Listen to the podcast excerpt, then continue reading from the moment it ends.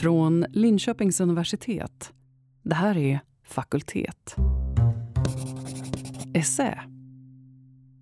Fem saker som konsten vet om demokratin. Från stora teaterscenen till det där klottret du ser på en husvägg eller i en tunnel. Allt är ett uttryck för någonting. Någon vill berätta någonting, visa någonting och höras.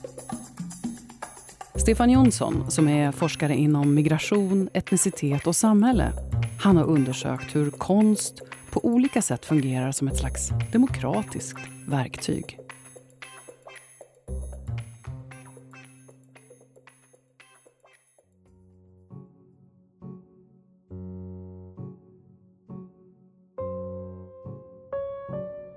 Jag håller på med ett forskningsprojekt som undersöker demokratins och den politiska protestens estetiska dimensioner. Min idé är att estetiska verk, alltså bildkonst, litteratur, teater, film och andra konstarter, visar och vet någonting om politiskt handlande och demokratiskt deltagande som statsvetenskapens, sociologins, historiens och journalistikens kategorier inte kommer åt. Vill vi få kunskap om politiken, om demokratin och om alla de samhällsförändringar som idag hotar demokratiska värden och demokratiskt deltagande är det alltså värt att ta den skapande konsten på allvar.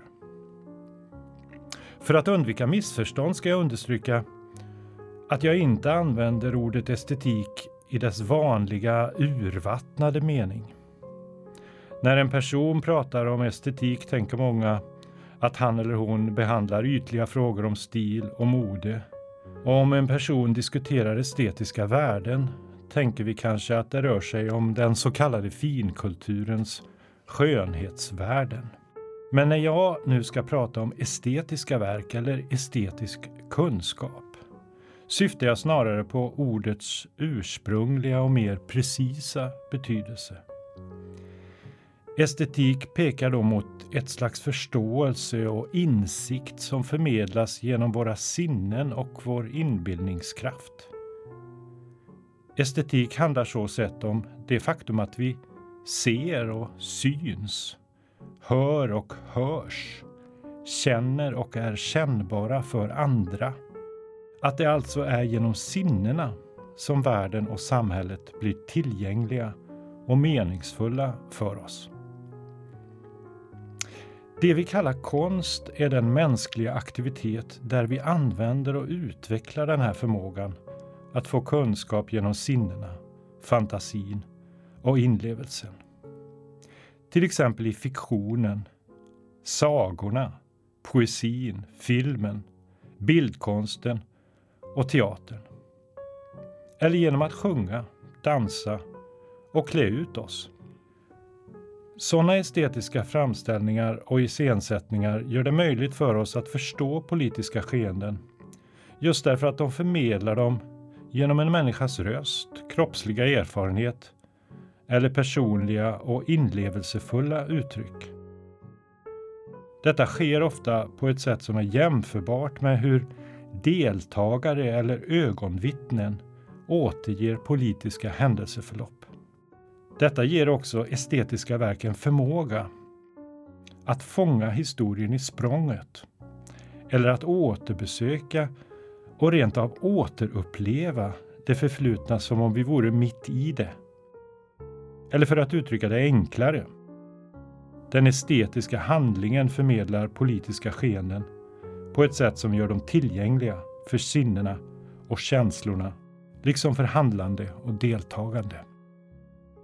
Därför vet konsten något om demokratin. Och därför kan vi använda oss av estetiska uttryck för att lära oss något om politiken. Låt mig nu ge fem exempel. 1. Konsten vet varför inbildningskraften är en demokratisk kraft.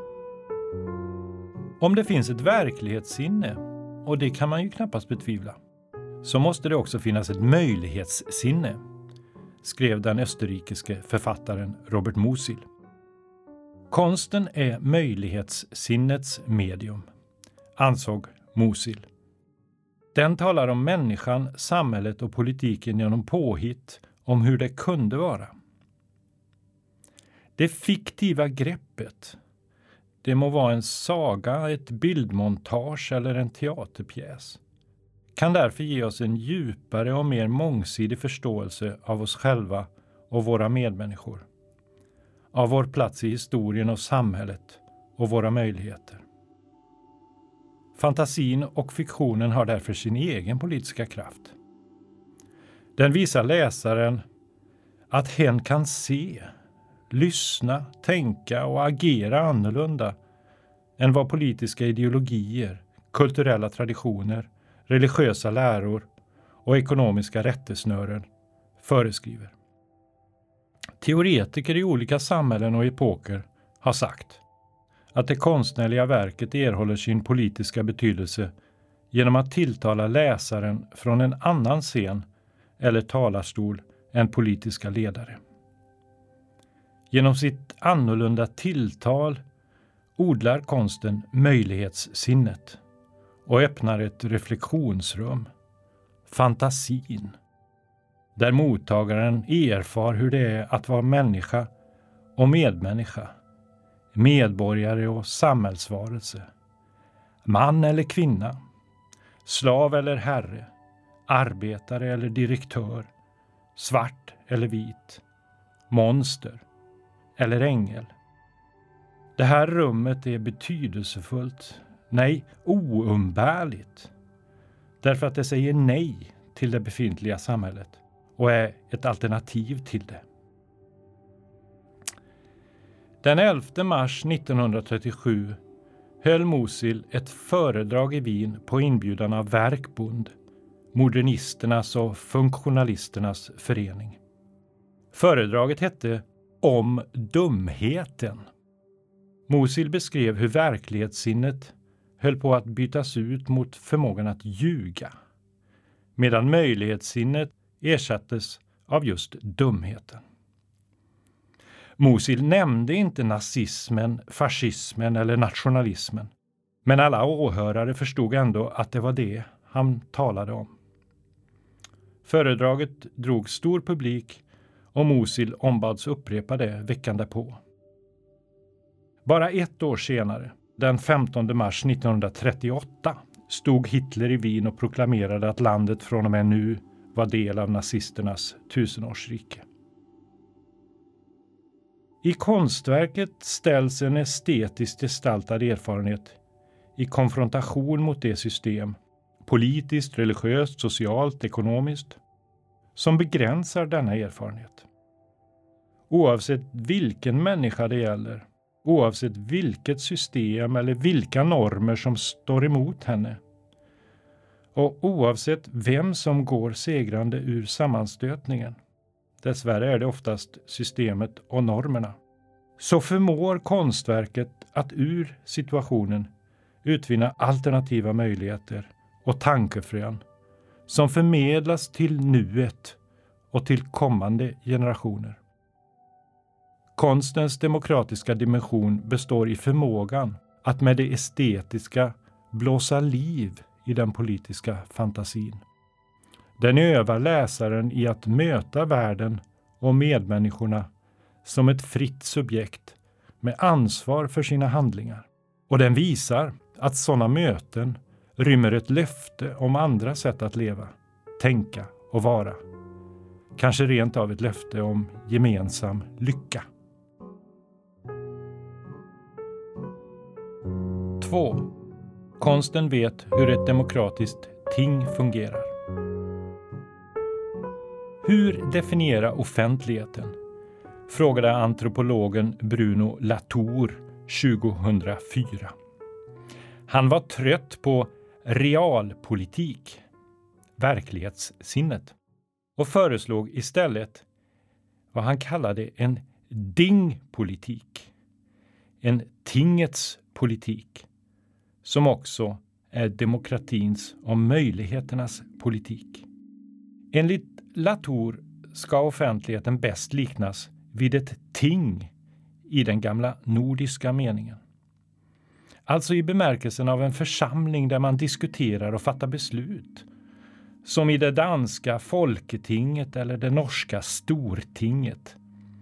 Som är motsvarigheterna till vår svenska riksdag. Ordet ting betyder kort sagt både sak eller föremål och mötesplats eller församling. På tinget blev samhället synligt.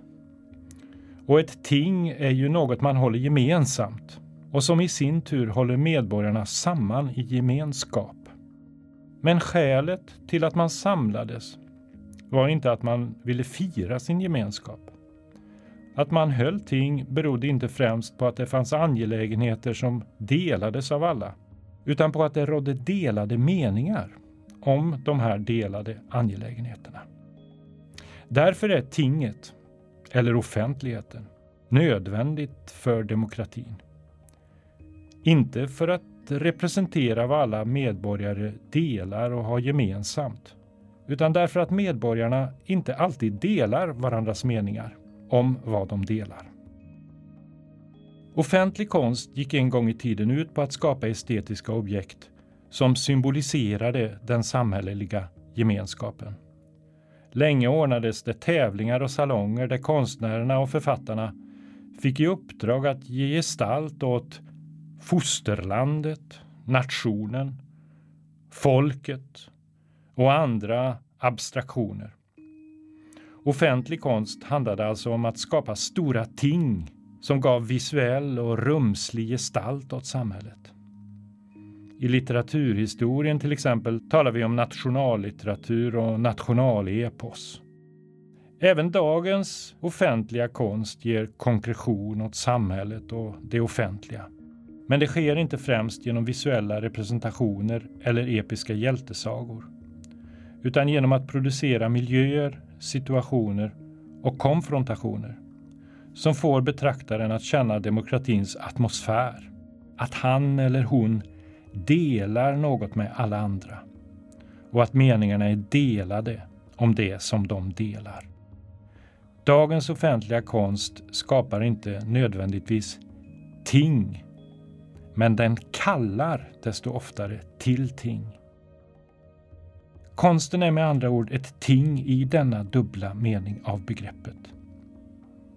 Ett föremål eller en text med förmåga att förvandla sig till en mötesplats. Ett objekt som verkar slutet och dött men som i mötet med publiken mirakulöst nog springer till liv och aktiveras till händelse, samtal och diskussion. I teaterns fall är denna förvandling kanske extra tydlig. Den konstnärliga skapelsen och tillägnelsen inrättar så sett vad filosofen Hanna Arendt kallade ett framträdelsens rum. Ett space of appearance där man delar varandras meningar. Det här rummet var i hennes ögon var det demokratiska samhället började. 3. Konsten vet varför demokratin är gränsöverskridande. Dramatikern Aiskylos kallas ibland för demokratins dramatiker. Under hans tid för 2500 år sedan ersattes ett aristokratiskt styre av en statsbildning där beslut togs efter debatt mellan fria, manliga medborgare. Aiskylos övade medborgarna i att hantera politiska svårigheter och sociala påfrestningar på ett demokratiskt sätt. Vilka räknas in i gemenskapen?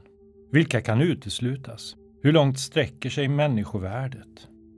Intrigen i Aiskylos tragedi De skyddssökande drivs av tillhörighetens och utstötningens mekanismer. I dramat kommer båtflyktingar över Medelhavet till den grekiska staden Argos. Danaos 50 döttrar har flytt från Egypten för att undslippa kollektivt tvångsäktenskap med Aegyptos 50 söner. Liksom det ofta händer att dagens flyktingar i Europa söker skydd och finner en fristad i kyrkor och församlingshem, så tar flyktingarna hos Aiskylos sin tillflykt till templen och de andra heliga platserna utanför Argos. Danaos ger döttrarna några faderliga råd. Skynda er och bär på er vänstra arm högtidligt den ullombundna kvisten av oliv och svara främlingarna fromt och sorgset som flyktingar tillkommer. Och kom ihåg att ge efter, du, en stackars långväga flykting. Ett alltför dristigt och oförväget språk anstår inte de svaga. Den ullombundna kvisten hette på antik grekiska iketeria, som i sin tur blev ordet för en vädjan eller bön. Den var tecken på flyktingens sårbarhet och utgjorde en asylansökan. Orden som jag just citerade utgör den första bevarade beskrivningen av hur flyktingen bör föra sig när hon söker asyl. Strax skyndar kungen i Argos in på scenen. Han heter Pelaskos. Tragedin kretsar kring hans dilemma. Tar han emot flyktingarna kan han räkna med kritik för att dra på staden en orimlig försörjningsbörda. Han utsätter också Argos för krigsfara eftersom de egyptiska friarna är på väg för att kräva tillbaka sina fästmör. Pelaskos fruktar eftervärldens dom. Jag citerar. Av främlingskärlek du förgjort din stad. Tar han å andra sidan inte emot flyktingarna bryter han mot en högre lag. Den som såg den ullombundna olivkvisten var förpliktigad att bifalla de skyddssökandes vädjan. Annars följde gudarnas straff, som det heter i dramat. Tung är den vrede som kommer från Zeus, flyktingarnas gud. Hur Pelaskos än väljer hotar undergången. När han skjuter upp beslutet så sätter flyktingkvinnorna press. De kräver att kungen hör deras sista argument. Får de inte asyl tänker de hänga sig i templet. Här ifrån dina gudastoder. Pelaskos står rådlös. Jag är visserligen härskare i det här landet, men ett beslut som detta måste fattas av hela folket, säger han. Svåra beslut kräver bredast tänkbara förankring. Därför är demokratin nödvändig. Så resonerar Pelaskos. Ungefär så tänkte Aiskylos. På torget i Argos håller Pelaskos brandtal för asylrätten. Sen håller medborgarna ting och genomför en folkomröstning. Och när flyktingarna får veta resultatet blir de lättade. Argos har yttrat sig med enhällig stämma. Av lyfta högerhänder fick hela folket luften att själva när det bekräftade sitt beslut. Vi får uppehållstillstånd i detta land. Okränkbar frihet under lagens skydd. På oss får varken infödd eller främling bära hand. Så står det i dramat. I de skyddssökande är det demokratin som avgör utgången. Och medborgarna i Argos vet att asylrätten är en mänsklig rättighet, mer fundamental än någon annan. Plikten att ge skydd, att idka gästfrihet åt en behövande, bottnar i erkännandet av den andres mänsklighet. Aiskylos skrev i en krigisk tid. Hotet från perserna var avvärjt, men kungar och furstar låg i fejd. I den här världen av små och stora krig för 2500 år sedan uppstod demokratin och asylen som ett försök att sätta en gräns och förhindra att allt och alla sänktes i slaveri, våldtäkter och blod. När den nutida asylrätten instiftas på nytt efter andra världskriget är situationen jämförbar. Alla är eniga om att asylrätten är nödvändig så att inte folkfördrivningarna och förintelsen ska upprepas. Det båda säkerligen illa att det idag knappast finns någon politiker som håller brandtal för asylrätten och tränar medborgarna i att följa sina solidariska instinkter. Måhända är demokratins och de mänskliga rättigheternas tid över för den här gången. I den mån det finns hopp så förvaltas det i hög grad av konsten som bearbetar konflikterna och våldet i Europas historia och håller fram det här arvet som en spegel för nuet. Utan en sån bearbetning och självreflektion blir Europa livsfarligt för alla som inte är vita och kristna. Ett sådant Europa växer just nu fram. Ett Europa som anpassar lagar och historieskrivning efter den etniska eller religiösa majoritetsbefolkningens självbild.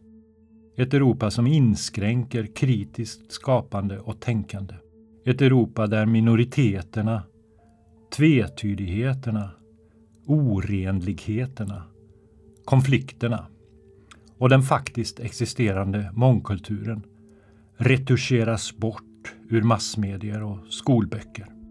Ett Europa, nej, en hel värld där ledare når makt genom att träna människors värsta instinkter.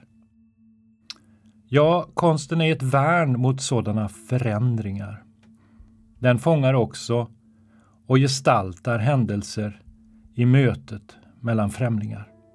Den bearbetar vittnesmålen om hur varje samhälle med större eller mindre framgång har hanterat sin ofrånkomliga sårbarhet som kommer sig av att det gränsar till en omvärld som är oförutsägbar och främmande. Konsten och i synnerhet teatern ser till att den här gränsen hålls öppen. Eller rättare sagt, konsten och teatern är en öppen gräns mellan vad som är, vad som skulle kunna vara och vad som varit. Asyl är ett annat namn på en sån gränsöppning. Och demokrati ett tredje. De här tre, teatern, asylen och demokratin, är inte för inte några av människans äldsta institutioner. De håller fortfarande öppet för alla. 24 timmar om dygnet alla veckans sju dagar. 4. Konsten vet varför varje representationssätt förråder demokratin. Den demokratiska jämlikheten är skandalös. Den erkänner inga skäl till att någon ska bestämma mer än andra eller bestämma över andra. I en demokratisk gemenskap bestämmer alla tillsammans. Varje begränsning av det demokratiska inflytandet är därför ett oberättigat uttryck för en maktutövning som strider mot demokratins princip om att alla röster ska höras. Vi lever inte i ett sådant system. Vårt system är en representativ demokrati. Det vill säga en inramad och inhägnad demokrati där den lilla del av samhället och folket som framträder inom ramen får representera helheten. Men för varje del av folket som känner sig representerad finns en annan del som känner sig förbisedd. Och för varje person som kommer till tals i folkets namn finns många som saknar röst att göra sig hörda. Så sett leder varje politisk representationsform till en stympad, blek och skugglig avbild av den demokratiska gemenskapen. Den demokratiska gemenskapen beskärs. De flesta hamnar utanför. Konsten är det medium som snabbast och bäst pekar ut den representativa demokratins tillkortakommande. Det kommer sig av konstens förmåga att tränga bortom representationens gränser för att peka ut det och de som finns på baksidan eller utanför ramen. Tystade röster och osynliggjorda existenser. Konsten hämtar in sådana röster till tinget, ger gestalt åt dem och räcker över mikrofonen. Hur förklarar denna förmåga? Till skillnad från andra kunskapsverktyg är konsten inte främst representerande utan performativ, alltså skapande av något nytt och därför ingripande och förvandlande. Den representerar inte verkligheten utan presenterar möjligheter. På det sättet har konsten förmågan att införa nya ting i världen. Nya frågor och hållpunkter som offentligheten får förhålla sig till. En röst som tidigare inte hörts. En gestalt som inte synts. Ett samband som inte uppmärksammats. Den estetiska gestaltningen är mångröstad, precis som demokratin.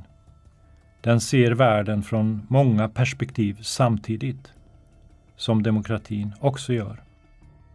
Den är per definition social och kollektiv, precis som demokratin. Och den är otyglad och gränslös, som demokratin också är. Därför kan konsten peka ut den inramade, representativa demokratins oundvikliga tillkortakommande. Den vet att varje politiskt representationssätt förråder den gemenskap som det påstår sig representera. Därför är konsten också en blixtsnabb indikator som larmar när helst ramarna inskränks ytterligare. 5. Konsten vet hur man kan stå emot fascismen. Konsten inför något nytt i världen. Den är performativ. Den utgör en händelse. När händelsen inträffat ser verkligheten annorlunda ut. Samhällets invånare ruskar på sig och försöker fatta det nya, göra det begripligt. Det här är bara ett annat uttryck för konstverket som ett demokratiskt ting. Det framkallar debatt, dialog, gräl och motstånd. I en bok som helt enkelt heter What is an event? Vad är en händelse? förlitar sig den amerikanska samhällsteoretikern Robin Wagner Pacifici nästan uteslutande på konstnärliga och litterära verk när hon ska förklara varför vi upplever vissa händelser som avgörande i samhällets och gemenskapens liv. I centrum av analysen står en målning från 1799 av den franske konstnären Jacques-Louis David. Sabinskorna heter målningen. Den ska inte förväxlas med en annan lika berömd målning av en annan lika berömd fransk konstnär, Nicolas Poussins Sabinskornas bortrövande eller Sabinskorna våldtas från mitten av 1600-talet. Motivet på bägge bilderna är hämtat från romersk myt så som den grundlades i bland annat Vergilius berömda epos Eneiden. Myten har två delar. Den första handlar om hur Romulus arméer kort efter att de har grundat staden Rom angriper ett grannfolk, sabinerna, i bergen åt nordost och rövar bort deras kvinnor. Det är den här händelsen som visas i målningen Sabinskornas bortrövande av Nicolas Poussin. Rom skulle ju inte kunna bestå förutan kvinnor och mödrar till nya generationer av romare. På målningen ser vi hur Romulus tar Hersilia till sin hustru och hushållerska. I sin nya roll blir hon, Hersilia, Roms blivande drottning. Jacques-Louis Davids målning visar mytens andra del. Sabinerna angriper nu i sin tur Rom för att ta tillbaka sina kvinnor. På bilden bevittnar vi en sammandrabbning mellan två härar som är indragna i en vendetta som gäller kontrollen över kvinnan. Vid första anblicken ger den stora duken intryck av ett virvar av dragna svärd, lansar, sköldar, hästar och kroppar som kämpar mot varandra. Mitt i vimlet av stridande soldater och frustande hästar vid foten av Roms stadsmur syns också mängder av kvinnor och barn som försöker rädda sig undan överfallet och människoslakten. Sin vana trogen låter David framställa det dramatiska skeendet genom att fånga det i en stilla punkt där krafterna neutraliserar varandra. Wagner Pacifici kallar det en stand-off. På svenska brukar det översättas till dödläge. Ordet fångar knappast den energi som laddar händelsen. Så här skriver Robin Wagner Pacifici. Mitt i kaoset av soldater, svärd, lansar, hästar, kvinnor och spädbarn sätter Hersilia stopp för den våldsamma sammandrabbningen. David levde under revolutionens och Napoleons epok och fångade sin samtids politiska omvälvningar i språnget genom att identifiera och gestalta den stilla punkt, stormens öga, där motsatta krafter balanserade eller rent av upphävde varandra. Han behärskade historien med sin pensel. I sabinskorna syns i bildens centrum Hersilia. Hon står mellan två arméer som ett vitt, fladdrande men stadigt kryss. Hennes bägge armar och händer, höjda åt höger och vänster, liknar väldiga stopptecken som skiljer de stridande antagonisterna åt. Hersilia är en sabinska som i den förra sammandrabbningen våldtogs av sin fiende och erövrare Romulus och fick barn med honom. Nu står hon fast planterad i ingenmanslandet mellan trupperna som slaktar varandra. De bägge trupperna representerar var sin sida av hennes barns motsägelsefulla härkomst. Det vore fel att påstå att Hersilia försonar antagonisterna. Snarare löser hon upp motsägelsen mellan dem och får dem att framstå som varandras spegelbilder. Båda två lika destruktiva och förblindade av en soldatkodex som bejakar våldet. David drar betraktarens öga mot Hesilias beslutsamma ingripande. Hon står emot de bägge herrarna i kraft av en femininitet, en som moderskapets etik som inte har plats för vare sig patriarkat eller patriotism. Det finns en kraft i gestaltningen som gör det omöjligt att avfärda scenen som en kliché.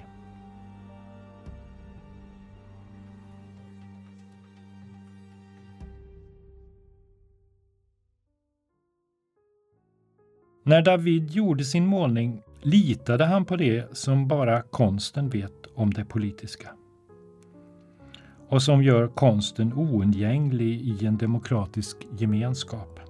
Den säger att det finns alternativ. Som minnet står emot glömskan och som möjlighetssinnet står emot dumheten. Så står Hersilia emot det maskulina våldet. Hon sätter stopp för den våldsamma sammandrabbningen. Och så vet konsten att stå emot fascismen.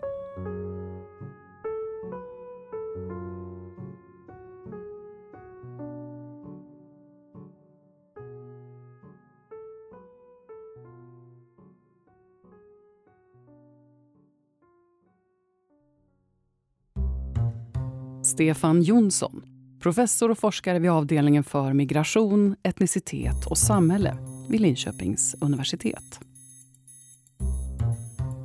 Och oavsett om det handlar om en utställning, en bok eller en tv-serie så pekar konsten på olika frågor i samhället och belyser händelser från förr och nu och in i framtiden. Och den ger röst åt olika människor. Konsten kan ifrågasätta saker, få oss att börja diskutera. Bli ett verktyg för att berätta och visa och förändra. Och väcka vår fantasi om hur saker skulle kunna vara. Texten är tidigare publicerad i Dagens Nyheter. Det här är Fakultet Essä. Jag heter Anneli Norberg. Om du vill lyssna på fler podcasts från Linköpings universitet så finns de där poddar finns eller förstås på adressen liv.se podcast.